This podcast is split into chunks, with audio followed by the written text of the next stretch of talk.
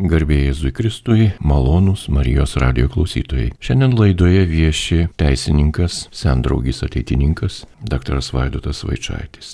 Jį kalbina Liutauras Serapinas ir šį kartą Jums, mėly radio klausytojai, paruošėme pasakojimą apie, apie konstituciją, kuri yra vienas iš pagrindinių įstatymų paketų, tai sakytume šio laikinę kalbą, arba dokumentas, senoviška kalba, kuris lemia, ką mes savo valstybėje galime, ką turime ir ką privalome ir ko negalime daryti, veikti, gyventi, kurti. Ir sveikinuosi su gerbiamu teisininku, sendraugiu ateitininku Vaidotu Vaičiaičiu. Garbė Kristui. Garbė. Taigi, gerbiamas Vaidotai, papasakokite, kaip buvo kuriama mūsų valstybės konstitucija, kas buvo tie žmonės, kurie sukūrė ir kuo jie rėmėsi ir kaip tai vyko. Gal aš tik tai tada prieš tai trumpai sureaguosiu, Liutaurai, ką, ką tu pasakėjai apie, apie konstituciją, kad iš tikrųjų pagrindinis čia toksai dokumentas, galėtume sakyti, kaip tam tikra socialinė sutartis, visuomeninė sutartis tarp piliečių tarpusavyje ir aišku, tarp piliečių ir valstybės. Tai, tai čia, sakykime, toksai dalykas ir ką reikėtų žinoti ir dar kas, kas svarbu, kad Tai nėra tik tai, kad ką mes galim, ką negalim daryti, bet tai iš vienos pusės tai yra tokie principai, netiek daug taisyklių, ko, sakykime, mes galim, negalim daryti, bet, sakykime, pagrindas yra principai. Pavyzdžiui, sakykime, ten pirmas straipsnis sako, Lietuvos valstybė yra demokratinė respublika. Tai, tai žodžiu, ta, ta demokratija jinai yra kartu ir kaip principas, kaip kūrimas, toksai, sakykime, siekiamybė tam tikrą prasme. Bet aišku, yra ir normų, sakykime, yra taisyklių, ne, kad, pavyzdžiui, dabar artėja prezidento rinkimai, kad prezidentas negali būti jaunesnis negu 40 metų. Taisyklė. Tai vat, yra ir principų, ir, ir taisyklių toksai, sakykime, dokumentas. Dabar dėl to, kaip jinai buvo kuriama, kas tie, sakykime, mūsų konstitucijos tėvai, tai taip jau, sakykime, nusistovėjo, kad mes laikom, kad mūsų konstitucija yra dviejų e, projektų kompromisas, tai yra e, Lapinsko, taip vadinamo, Kestučio Lapinsko ir Egidijos Jarašiūno. Žodžiu, jeigu taip galima sakyti, tie du projektai, e, kuo, kuo jie skiriasi, tai visų pirma e, valdymo formos prasme, kaip jie numatė, reiškia, Kestučio Lapinsko buvo projektas labiau, sakykime, orientuotas į parlamentinę valdymo formą, tuo tarpu Gidijos Jarašiūno labiau pusiau prezidentinė ir, sakykime, čia jau po to vyko tam tikras įvyko kompromisas kai e, tie du, sakykime, projektai turėjo, jų autoriai turėjo vienai par kitaip daryti kažkokius kompromisus, kad, kad gauti tą galutinį variantą, kurį mes turim. Tai va, tai dabar kaip tos taisyklės, nu, reiškia, to, tos nuostatos iš kur atėjo, Tai aišku, nėra vieno tokio šaltinio, yra, yra įvairūs tie šaltiniai, sakykime, aišku, yra tarpukario konstitucijos visų pirma, pavyzdžiui, 22 metų konstitucija, tai čia jeigu žiūrėtume struktūrą visą mūsų dabartinės konstitucijos, tai aiškiai matosi, kad Kestutis Lapinskas turėjo, sakykime, po ranka būtent tą 22 metų konstituciją, kuri tarp kitko pernai šimt, šimtmetį kaip tik šventėm. Ir, reiškia, ta, tos, sakykime, struktūros daugmaž dėliojo tos dabartinės mūsų mūsų, mūsų konstitucijos tos pagrindus. Tai aišku yra ir 38 metų konstitucija, keletas, sakykime, į įtakos, tai tarp kitko čia gal klausytojams įdomu, kaip tik tai yra nuostatos susijusios su valstybės ir bažnyčios santykiais, tai čia 43 straipsnis ir 38 straipsnis šeimos sampratos. Tai va, tai, tai žodžiu, tarpukario konstitucijos, aišku, įtaka, į konstitucijų įtaka yra pakankamai nemaža, tarsi taip parodant, kad mūsų konstitucionalizmas nenukrito iš dangaus, o yra tam tikra, tam, tam tikra tradicija. Nu, taip pat, aišku, yra ir pavyzdžiui, žmogaus teisų katalogas, jeigu taip galima sakyti, jam aišku irgi darė įtaką Europos žmogaus teisų, teisų konvencija. Tai sakykime, nu ir, ir aišku, kai mes vadinam lyginamosios nu, konstitucinės teisės tam, tam tikrą įtaką, tai pavyzdžiui, kai kurių kitų šalių tokie institutai, pavyzdžiui, kaip konstituciniai įstatymai, tai čia greičiausiai iš Čekijos ar, ar tuo metu gal dar netgi Čekoslovakijos, reiškia, konstitucijos, konstitucinis teismas, mūsų tarp kitko modelis gal labiau Italijos konstitucinio teismo buvo panašus tas, tas pirminis. Tai va, tai, tai žodžiu, tų šaltinių yra, yra įvairių, bet, bet kas čia svarbu, taip pat gal ir įdomu taip pat klausytojams būtų, kad, reiškia, toj darbo grupiai konstitucijos taip pat buvo ir, ir tėvas Aliulis. Reiškia, kuningas Vaslavas Aliulis taip pat dalyvavo ir, ir jisai, sakykime, tą krikščionišką poziciją e, visgi vienai par kitaip atstovavo tame. Tai gal taip trumpai atsakyčiau. Dėkuoju už pristatymą pačios kilmės, o be galo įdomu yra, ar Lietuvos konstitucija turi ką nors labai ypatingo, ko neturi kitos pasaulio šalis. Tikrai labai puikus klausimas. Iš tikrųjų, gal sakykime, mūsų konstitucijos nuostata, kad e, žmogaus teisės ir laisvės yra prigimtinės, čia tokia turbūt yra jau mūsų konstitucijos tam tikras, sakykime, išskirtinumas. Tarp kitko, aš nežinau, kaip šita nuostata atsirado, čia reikėtų dar, dar padaryti tyrimų, kieno, sakykime, kas, kas čia ta, a, tas autorius, nes, nes iš tiesų čia nė, nėra iš kažko, kaž, kažkur tai pa, paimta, iš kažkokio, kokios tai kitos užsienio konstitucijos, reiškia, kabutėse nusižiūrėta. Ne, čia yra labai originalus sprendimas, kad žmogaus teisų katalogą pradėti šitokiu, sakykime, irgi principu, šitokia nuostata, kad žmogaus žmogaus teisės ir laisvės yra prigimtinės. Ne? Tai, tai, tai kaip, kaip tą suprasti, aišku, nėra, nėra atskleista tarsi kažkokia savoka, ką tai, ką tai reiškia, bet tai supras, kad skaityk toliau ir, ir suprasi ir liktai leidžiama, leidžiama taip mąstyti, galvoti, kad žmoguje yra tam tikra nekeičiama prigimtis. Tai tai iš tiesų, nu, tikrai labai labai stiprus užtaisas mūsų, sakykime, konstituciją interpretuojant. Na ir kadangi mūsų gerbiamas vaidotai kalbame, tai viena iš turbūt tokių konstitucijoje numatytų mūsų teisių, galbūt ir pareigų yra žodžio laisvė. Ir kokios yra tos žodžio laisvės ribos konstitucijoje. Jo, gal, gal pirmą dar apie tą pačią žodžio laisvę.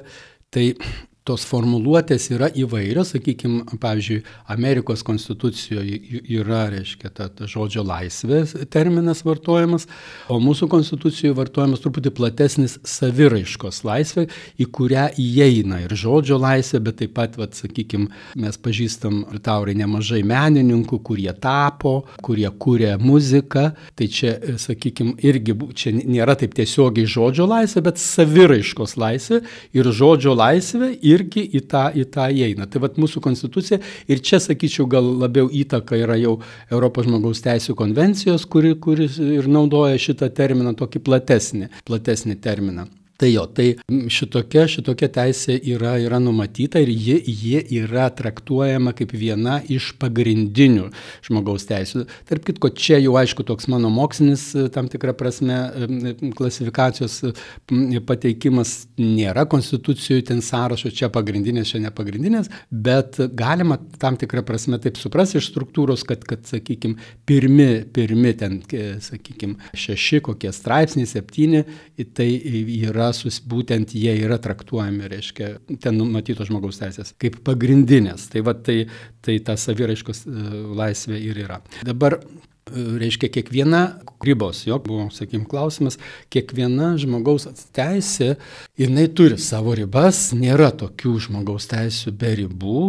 Kodėl? Todėl, kad mes gyvenam visuomeniai su kitais žmonėmis Ir mes e, negalime, reiškia, kaip sakyti, primesti vien tik tai savo gyvenimo būdo. Iš vienos pusės taip, konstitucija mums garantuoja teisę turėti savo gyvenimo būdą ir išreikšti, sakykime, ir savo, naudoti savo žodžio laisvę ir, ir kitom saviraiškos laisvėm, bet taip pat mes turime atsižvelgti, kad yra ir kiti žmonės, kurie taip pat turi tokias pat teisės. Ir, ir mes čia jau turim tada rasti kažkokį tai kompromisą. Tai, sakykime, tai lygiai taip pat ir su saviriškos laisvė yra pasakyta konstitucijoje, kad, kad, kad ją riboja tiek kitų žmonių laisvės, sakykime, ir, ir, ir teisės, tiek ir viešas interesas, galėtų būti, reiškia viešas interesas, tai, sakykime, ten, sakykime, kažkoks tai valstybės interesas jo, ar tai visuomenės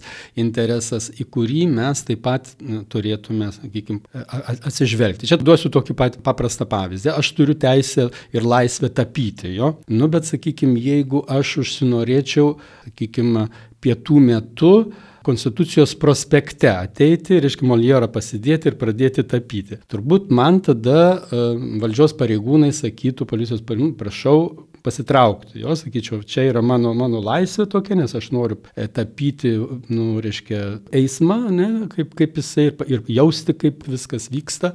Tai geriau, kad geriau perduočiau, bet turbūt mano apribotų šitą, sakytų, nu gerai, gal tu nori, bet gal truputį pasitraukant šalygatvį, ar bent jau. Ne, tai, va, tai, tai žodžiu, čia būtų, sakykim, viešas interesas, ne, kuris, kuris e, ribotų mano, mano šitą e, teisę kaip, reiškia, kaip saviraiškos, saviraiškos laisvę laisvę. Lygiai aišku ir kitos. Bet čia gal dar prieš perinant prie kito klausimo labai svarbu, kad saviraškos laisvė, žodžio laisvė, jinai, kodėl jinai viena iš pagrindinių arba viena iš svarbiausių? Todėl, kad jeigu mes ją apribojam, mes apribojam ir kitas žmogaus teisės. Pavyzdžiui, sakykime, susirinkimų ir asociacijų teisė. Ne? Nu, tai irgi labai susijęs su, su, su žodžio laisvė. Ne?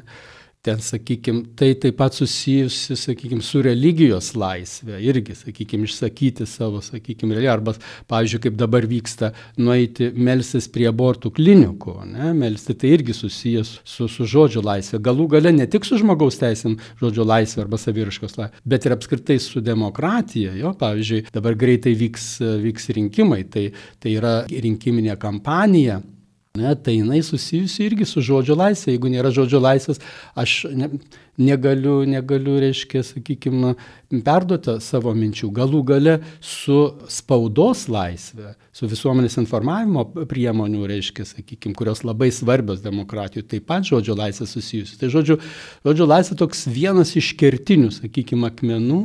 Tai čia turbūt nebereikalo, čia jūs ir klausėt mane apie, apie saviraškos laisvę.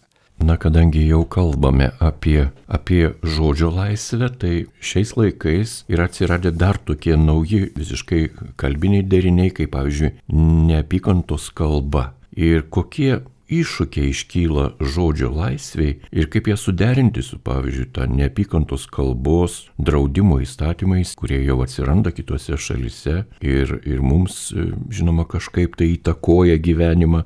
Tai primena, aišku, diktatūrų, pavyzdžiui, komunistinės diktatūros kažkokį tai numatytą metodą dorotis su kitaip mąstančiais, kitaip kalbančiais. Taigi, dermė su neapykantos kalba mūsų konstitucijos kokia jį.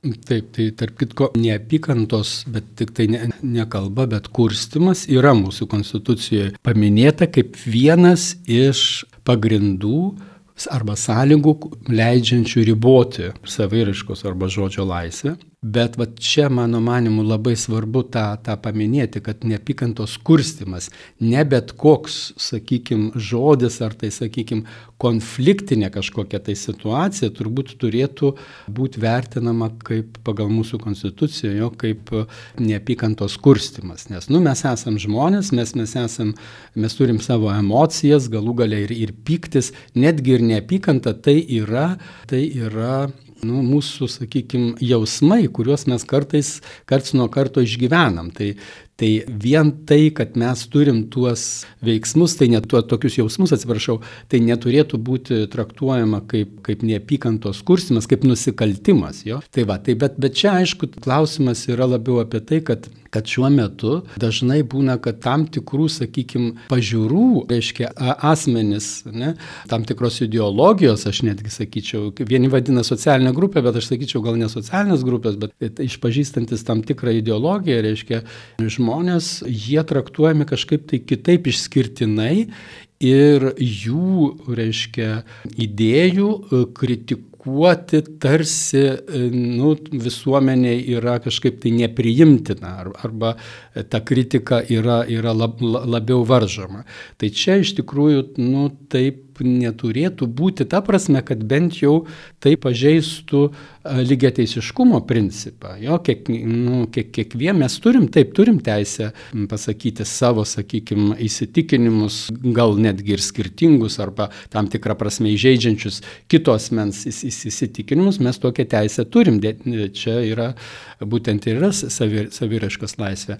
Bet aišku, ta, svarbu kur neperžengti e, tos ribos. Tai yra, tai jeigu yra įžeidinėjimas ad hominem, tai yra jau asmeniškai, yra šmeištas, sakykime, ne, arba įžeidinėjimas konkretaus asmens, ne, bet jeigu mes išsakom kritišką poziciją tam tikrų, sakykime, tam tikros asmenų grupės arba išpažįstančios ta, tam tikrą ideologiją, tai, tai čia manau, kad visiškai patenka į žodžio laisvė, saviraiškos laisvę ir negalėtų, neturėtų būti demokratiniai visuomeniai ribojimai. Ir čia, čia tas pavyzdys, kad kaip tikrai totalitarnės arba autoritarnėse, reiškia, valstybėse arba režimuose taip, taip buvo daroma, ne, ką, ką mes dar atsimenam. Tai, tai iš tikrųjų čia, nu, vat, gal tas klausimas susijęs su tuo, kad ir mūsų dabar demokratija tam tikrą krizę išgyvena. Jo, liktai mes, mes ne, nebe, nebežinom, ką, kaip, kaip vertinti tam, tam tikrus dalykus, o tarpu konstitucija labai pastato viską į savo vietas, nes tai yra tam tikras balansas. Mes turim ieškoti balansų, ne, balanso tarp įvairių šiuo atveju, sakykime, pasaulyje žiūrų, tarp, įvairių žmogaus teisių, iš vienos pusės ir iš kitos pusės tarp visuomenės ir, ir valstybės. Trumpai taip atsakyčiau. Mėly radio klausytojai, jūs girdite laidą, kurioje apie Lietuvos pagrindinį įstatymą Konstituciją jums pasakoja teisininkas, sendraugis ateitininkas Vaidotas Vaičaitis. Jau daug sužinojome apie Konstituciją, kodėl ji yra mums svarbi, kokios yra mūsų lietuviškosios konstitucijos ištakos ir norisi paklausti štai ko. Kartais mes girdime, jog konstitucija yra įvairiai suprantama ir traktuojama. Ir galime pastebėti tam tikrą tendenciją konstitucijos išaiškinimo, kartais net turime tokių pavyzdžių, kad ne pagal jos kuriejų intenciją yra konstitucija išaiškinama. Pavyzdžiui, 2019 metais Konstitucinis teismas išaiškino, kad konstitucijoje apibriešta šeimos samprata lyties atžvilgių yra neutrali. O kaip tai suprasti? Jo, dėl to neutralumo. Tiesa, dėl konstitucijos aiškinimo. Aišku, intencijos yra, sakykime, kuriejų yra svarbios, bet tai tikrai nėra pagrindinis uh, pagrindinis e, šaltinis, ne, aiškint, visgi pagrindinis šaltinis yra pats tekstas konstitucijos, nes gali būti, kad, sakykime, intencijos galėjo būti vienokios, o tekstas kažkaip vienaip ar kitaip atsira, nu, užfiksuotas yra, yra, yra kitoks. Bet, bet taip, sutinku, kad uh, intencijos yra svarbios ir, ir jas reikia, reikia žinoti. Dabar dėl, dėl, dėl šeimos sampratos kaip neutralios lyties atžvilgių. Apskritai tas terminas neutrali lyties atžvilgių, lyties lyties būtent atžvilgiu, tas neutralumas, nu, man jisai kelia tam, tam tikrų abejonių, nelabai jį nė, nėra lengva suprasti. Aišku, čia Konstitucinis teismas nusižiūrėjo nuo ES teisingumo teismo, Tai bet čia būtų atskira kalba apskritai apie, apie šitą 19 metų nutarimą ir, sakykim, jo vertinimą, analizę, bet e, būtent ar galima, mano manimu, negalima remtis Europos teismais aiškinti Lietuvos Respublikos konstituciją, bet apskritai apie tą žodį neutrali, sakykim, jeigu kalbant, čia yra toks naujadaras, reiškia, iki šio laiko konstitucinės teisės teorijoje apskritai tas neutralumas, jisai, pavyzdžiui, buvo naudojamas valstybės ir bažnyčios santykiuose, ne, kad ne, neutrali valstybė, reiškia, religijos atžvilgių turėtų būti, ne, garantuoti, reiškia, taip įvairiom religiniam bendruomenėm teisės. Bet ką reiškia lyties neutralumas, tai, nu, čia jau turbūt jau čia aukštoji matematika, man iš tikrųjų, nu, lytis yra lytis, reiškia, ką reiškia neutralumas lyties atžvilgių. Taip, bet aišku, čia kiti gal, gal galėtų sakyti, kad čia kažkoks tai kabinėjimas prie žodžių, bet, nu, visgi teisė turi būti, yra toks principas, reiškia, tikrumas ir aiškumas. Teisė turi būti aiški ir tiksli. Nu, mes negalime paimti, aišku, bendriniai kalboje mes galim tokius terminus vartoti į, į, į, įvairius, ne? bet, bet visgi teisiniai kalboje ir ypatingai teismo vartojamuose terminuose visgi tokių neaiškių terminų kaip e, lyties neutralumas neturėtų, neturėtų būti. Bet dabar kaip galima šitą 19, 19 metų Konstitucinio teismo nutarimą suprasti Konstitucijos kontekste? Tai visų pirma, Konstitucijoje yra paminėtos, sakykime, dvi šeimos sudarimo, du šeimos sudarimo būdai. Tai yra santuoka vyro ir, ir reiškia, e, moters ir tėvystė, motinystė, vaikystė. Tai reiškia, kad e, Konstitucija pripažįsta taip pat, kad tai yra šeima, jeigu atsirado, reiškia, vyras ir, ir, ir moteris gyveno, jie ne, nebuvo susituokę, bet jie turi, turi e, vaikų. Tai va čia jau 38 straipsnio antra dalis. Tai 11 metų, ar prieš 8 dar metus prieš tų 19 metų nutarimo prieimimą, 11 metų nutarime kaip tik Konstitucinis teismas ir paminėjo šitą, kad pagal Konstituciją šeima gali atsirasti ne tik tai santokos pagrindu, bet taip pat ir gali kilti iš vyro ir moters bendro gyvenimo, kurių pagrindų jie, sakykime, augina vaikus ir, ir, ir, ir kitų, kitų panašių, dėl kitų panašių požymių. Tai Tai, tai va tas ir, ir 19 metų nutarimas, jisai nepanaikino to 11 metų nutarimo. Jo, nu, ta prasme, jisai nepakeitė jo. Tai va būtent tą neutralumą, jeigu mes jį suprasim, kad neutralumas reiškia tą, tą pačią lytį, tai mes tai galim suprasti Tik tai taip, kad tai yra, sakykime, vaikų tėvų santykių prasme, kabutėse tas neutralumas, bet ne, nes, e, reiškia, su toktiniu e, kontekste tas yra neutralumas. Tai reiškia, kad jeigu, jeigu mama, reiškia, ir dukra, ar tai mama ir sunus, tai nesvarbu vis tiek, tai yra šeima. Tai, tai ta prasme gal, gal galėtume tą suprasti. Bet kaip minėjau, tas neutralumas lyties atžvilgių, nu, čia tikrai yra nevartotinas šitas terminas. Jūsų pasakojime nuskambėjo vienas sakinys, kuris yra negirdėtas. Negalime remtis Europos teismų nutartimis Lietuvoje. Kodėl? Ne, aš taip nesakiau, galima remtis, bet negalima remtis kitų šalių arba europiniais teismais aiškinant konstituciją. Ta prasme, aiškinant įstatymus galima,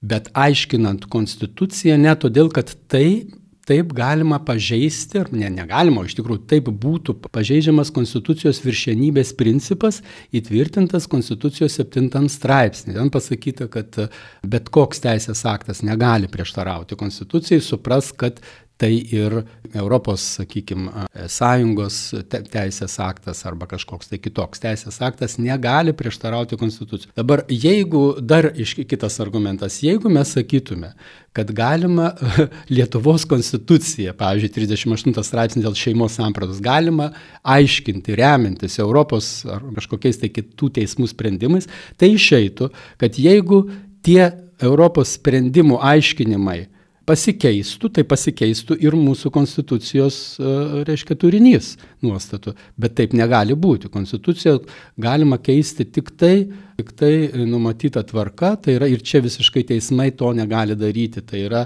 galima arba referendumu keisti, tai tauta referendumu, arba Seimas dvigubą balsavimų ir dviejų trečdalių balsų daugumą. Na ir norisi klausti dar, o kas yra sąžinės ir religijos laisvė. Kaip ji yra užtikrinama, pavyzdžiui, medicinoje, kai gydytojas ir slaugytojai turi atlikti jiems jų įsitikinimams prieštaraujančius veiksmus, pavyzdžiui, abortuoti, atlikti abortą prieš savo sąžinę arba švietime, pavyzdžiui, kai mokytojai privalo mokyti ideologizuotų dalykų prieš savo sąžinę. Jo, čia labai aktualus, sakykime, klausimas, nes jisai iškyla iš tikrųjų tiek švietime, tiek sveikatos apsaugoje, ne tiek, sakykime, kažkokiose netgi gal ir, ir, ir kitose sritise, bet, sakykime, gal švietimo ir sveikatos čia va paminėti atvejai iš tikrųjų um, labiausiai iškyla ir mes žinom, kad yra, yra ir bylų įvairiausių ir, ir užsienio valstybėse. Tai iš tiesų Iš tiesų, čia gal galima tai pasakyti, kad mūsų įstatymų leidėjų dar, dar yra erdvės, kur visgi tą sąžinės laisvę įstatymuose aiškiau apibriežti. Todėl, kad Konstitucijoje tikrai jinai yra įtvirtinta sąžinės laisvė, kaip reiškia tikėjimo kartu tikėjimo minties ir sąžinės laisvė, tai jinai turėtų būti detalizuojama tiek įstatymuose susijusiu su, su švietimu, tiek, sakykime, su, su sveikatos apsauga. Šiuo metu įstatymuose tokios apsaugos nėra. Bet kadangi Konstitucija yra tiesiogiai taikomas teisės aktas, vis tiek yra sąžinės laisvė Konstitucijų garantuojama ir jisai yra tiesiogiai taikomas ir aukščiausias, tai, tai visgi galim, visada galima remtis Konstitucija. Ir čia, nors įstatymuose nėra, bet, nu, kaip sakyti, detalizuota, bet nu, vat, kito kelio nėra turbūt, kaip jeigu, yra, jeigu žmonės jaučia, kad jų, jų sąžinės laisvė yra apribota, pavyzdžiui, jie, jie yra verčiami kažką mokytis prieš savo sąžinę, ne, arba, arba sakykime, ten medicinos rytyje atitinkamai atlikti tam tikrus veiksmus prie, prieš savo sąžinę, nu, jie remiantis konstituciją turi savo darbdaviui tai, tai pasakyti. Ir, nu, ir dėja, jeigu jie nukentėtų, ne, jie, jie turėtų teisę kreiptis, kreiptis į teismą. Tai va, tai čia tiesiog gal žmonės reikia nu, informuoti, padrasinti, kad jie tikrai turi tokią teisę, kad konstitucija jiems garantuoja ir kad jie, jeigu jie jaučia kad, kad jie yra kažkaip diskriminuojami arba jų sąžinės laisvė yra varžoma, jie tai pasakytų savo darbdaviui. Bet jo, grįžtų prie to, kad tikrai čia dar yra erdvės ir įstatymų leidėjas turėtų visgi aiškiau detalizuoti tą, tą sąžinės laisvę. Tęsime laidą, kurioje šiandien su jumis bendrauja teisininkas dr. Vaidotas Vaičaitis. O kokius matote pavojus iškylančius šių dienų Europoje ir Lietuvoje, kai kalbame apie krikščionių sąžinės ir religijos laisvę? Taip, tai mes matom tą, sakykime, tą varžymą, ne, tai ypatingai ir kitose šalise, pas mus dar tų kažkokių tai bylų labai daug, daug nėra, bet aišku, su, su žodžio laisvė arba saviraiškos laisvė jau žinom, ne, tai keletas, keletas atvejų yra ir vienas LRT žurnalistas, ar ne, ar viena Vilniaus universiteto dėstytoja, reiškia, vienai par kitaip nu, nukentėjo ir, sakykime, kažkokie tai teisminiai ar teisiniai procesai procesai žinom, kad vyksta, bet kitose šalyse tai vyksta dažniau ir, ir, ir netgi daugiau, tai, tai tą, tą reikia iš tikrųjų žinoti ir, ir pripažinti kaip sakyti, tą tikrovę, kurioje mes esam, bet, bet kito, tam tikrą prasme pripažinti, kad, kaip anksčiau sakiau, esam tam tikroje krizėje demokratijos. Bet kito kelio, kaip mums patiems pasirodo, ne, nu, kad kaip mums pat, patiems išsikovoti tą, sakykime, tiek, tiek žmogaus teisės, ne, tiek demokratiją pamplačiaja prasme, nu, kito kelio, kaip mes patys tą turim daryti, nėra mums taip atrodė, kad prieš 30 metų, sakykime, mes atkūrėm demokratinę valstybę, priėmėm konstituciją ir jinai pati kažkaip tai kaip eksmakina, reiškia, jinai važiuos. Nu, taip pasirodo, kad dėja, kurį laiką gal, gal taip ir važiavo, bet dėja šitaip nėra. Nu, vat, dėja įvyksta krizės, kaip mūsų asmeniam gyvenime, taip ir e, valstybės ir visuomeninė gyvenime. Ir ypatingai tų krizių metu mes turim būti pilietiški ir aktyvūs. Tai daugiau, sakykime, čia yra, nu, gal net, net sunku pasakyti ar daugiau, bet tai yra labai apie mus. Ne tai, kad apie kitus, bet apie mus kaip mes, ar mes drįst, išdrysime nebijoti ir, ir, ir ginti savo e, sąžinės laisvę, savo, sakykime, įsitikinimų laisvę, e, tai savo tikėjimo, religijos laisvę, ar visgi, sakykime, leisim tai, tai tendencijai tarsi pažeidinėti tai. Tai vad labai labai kvieščiau būti kiek įmanoma aktyvesniems ne, ir pilietiškams ir, ir nebijoti ir vadovaujantis konstituciją savo pažeistas teisės ginti. Norisi dar kartelį grįžti prie tėvų ir vaikų ir taip pat norisi paklausti, ar Lietuvoje tėvams nėra trukdoma pagal konstituciją auklėti savo vaikus dorai žmonėmis, pagal savo įsitikinimus, pavyzdžiui, religinius, ar ši teisė jiems yra pilnai suteikta, o gal yra problemų? Jo, tėvų teisė čia labai tas, tas klausimas labai labai į temą yra. Tėvų teisė auklėti savo vaikus pagal savo įsitikinimus, nes kažkodėl tai teismai, tiek Europos, sakykime, žmogaus teisų teismas, tiek mūsų nacionaliniai teismai, jie kažkaip tai šitą teisę linkia nu, reiškia, ne, netinkamai arba, arba reiškia, ne, ne visai įvertinti arba imti domėn. Ir, sakykime, gal, gal čia girdėjo klausytojai vat, tą neseniai bylą, neseniai sprendimą priėmė Europos žmogaus teisų teismas dėl tos knygelės Gintarinė pilis, kur yra ten, ten yra įvairių pasakų, tame tarpe yra ir, ir apie du princus ar apie dvi, dvi moteris. Tai tenai irgi, ten Tik taip priminsiu, ten buvo, reiškia, įpareigota ta autorė ir ta leidikla uždėti, reiškia, N14, sakykime, tokią prie tos knygos. Jinai vienu metu visai buvo suspenduota, o po to, po, to, po kurio laiko le, leista ją, sakykime, platinti knygynuose, bet su, su tuo ženkleliu N14. Jo, tai autoriai E, Velionė dabar jau, reiškia, tas, tas ne, nepatiko, jinai mane, kad čia yra jos žodžio laisvės varžymas ir jinai, jinai bilinėjęs ir mat, Europos žmogaus teisų teismas visgi nusprendė, kad, kad tai buvo pažeista jos e, saviraiškos laisvė. Bet jeigu skaitytume šitą sprendimą, ten nėra reiškia, nors Europos žmogaus teisų konvencijos vienas iš protokolų kalba apie, aišku, ten švietimo srityje, apie tėvų teisę auklėti pagal savo įsitikinimus, bet kažkodėl tai teismas šito argumento, šito, sakykime, konvencijos nuostatos visiškai ignoravo, visiškai ne, nepaėmė jos, nes, matot, Čia e, tu sprendimą teisme gali priimti tik teisinga, tik tada, jeigu tu visus argumentus pasveri. Jeigu tu dalį argumentų tiesiog išimi, ne, iš argumentavimo sekos, nu tai aišku, kad tu nuvažiuosi visiškai ne ten. O tuo tarpu, vat, jeigu grįžtant prie konstitucijos, aš sakykime, čia konvencijos, tai čia ir yra balansas, bet tas balansas turi, tu į tą balansą turi sudėti visas aktualias bylai, reiškia, nuostatas. Tai va šiuo atveju labai buvo svarbu įtraukti tėvų teisę. O, o kaip tie tėvai, ar, ar tėvų ypatingai, jeigu ta, ta knygutė yra, sakykime, kažkaip tai rekomenduojama švietimo srityje, net kaip tėvam elgtis, ne, ar tai nebuvo tėvų teisė e, kažkaip tai irgi ribojama auklėti vaikus pagal savo įsitikinimus. Tai vad šitą iš tikrųjų reikia tiek, tiek teisės teismam, tiek mūsų, sakykime, politikam, įstatymų leidėjam šitą konstitucijos nuostatą priminti, priminti ir dar kartą priminti.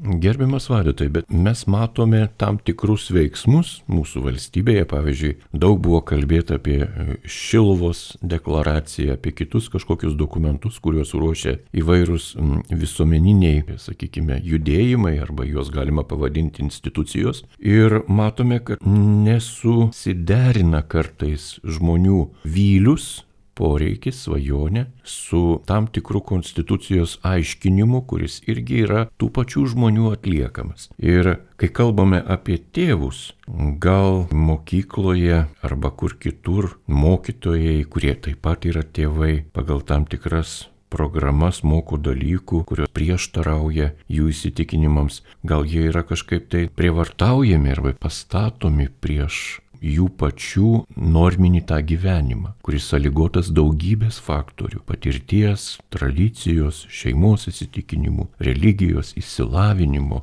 ir ko kito. Jo, čia turbūt kažkuria prasme aluzija į tą gyvenimo, reiškia, gyvenimo ugdymo tas programas, kurios vienai par kitaip e, dabar yra įvestos į, į mokyklą, tai, tai vėlgi švietimas, čia vėlgi apie tėvus, ne, viskas labai svarbu, švietimas turi būti ne tik valstybės, sakykime, reikalas, tam tikrą prasme, kaip, kaip sovietmečių, kaip totalitariniai valstybei, aiškiai, primetama ne kažkokia indoktrinacija, bet švietimo procese turi aktyviai, reiškia, dalyvauti iš vienos pusės valstybė, mokytojai, ne, tada tėvai ir vaikai. Ne? Jeigu tie trys, sakykime, ypatingai, aišku, tie vaikai, kai, kai vaikai ne, nepilnamečiai, ne, jau, sakykime, kaip vyresni galima ir su jais, yragi tam tikra savivalda, reiškia, tai ir su jais tartis, ne, bet, bet labai svarbu būtent tą, sakykime, tą, tą dėmenį tėvų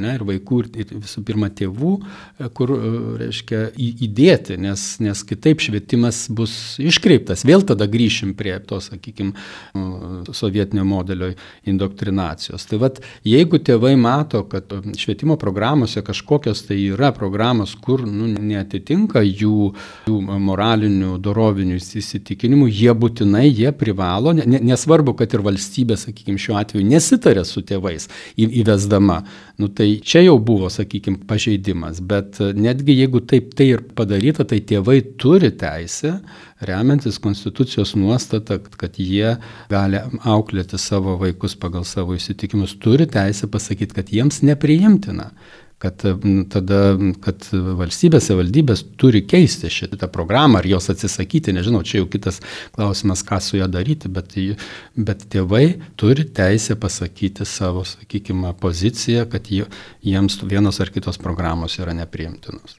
Na ir laidos pabaigai, kalbant apie konstituciją, ar galime mūdu, gerbiamas Vaidotai, užbaigti šią laidą ateitininkiškai? Štai kokia prasme. Mūsų himnas, kuris yra paveldėtas iš valstybės kuriejų ir jam yra jau daug metų, taip pat kaip ir mūsų valstybei, kuri yra konstitucinė respublika. Mes himne turime tokią eilutę - tilkit, nutilkit, kurie prieš dievybę bandėt kovoti viešai ar slaptai.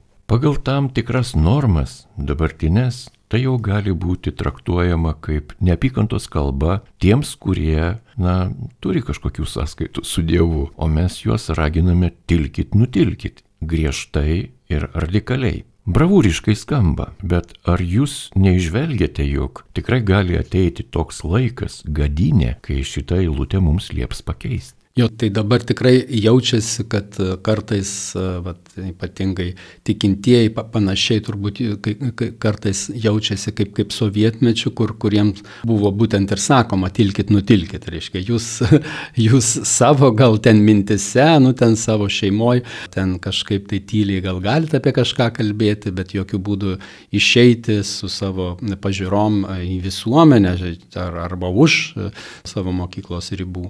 Tai jokių būdų ne, negali. Tai vat, aš visgi noriu tikėti, kad taip, dabar yra krizė, bet e, čia tarp kitko ta krizė, galėčiau pasakyti, kad ir bažnyčioje tam tikrą prasme yra krizė, ne, ne tik tai visuomenė, nes nu, visuomenė, bažnyčia irgi yra visuomenės dalis, iš vienos pusės tai yra Kristaus mistinis kūnas, iš kitos pusės tai yra tie patys žmonės, ne visuomenės dalis.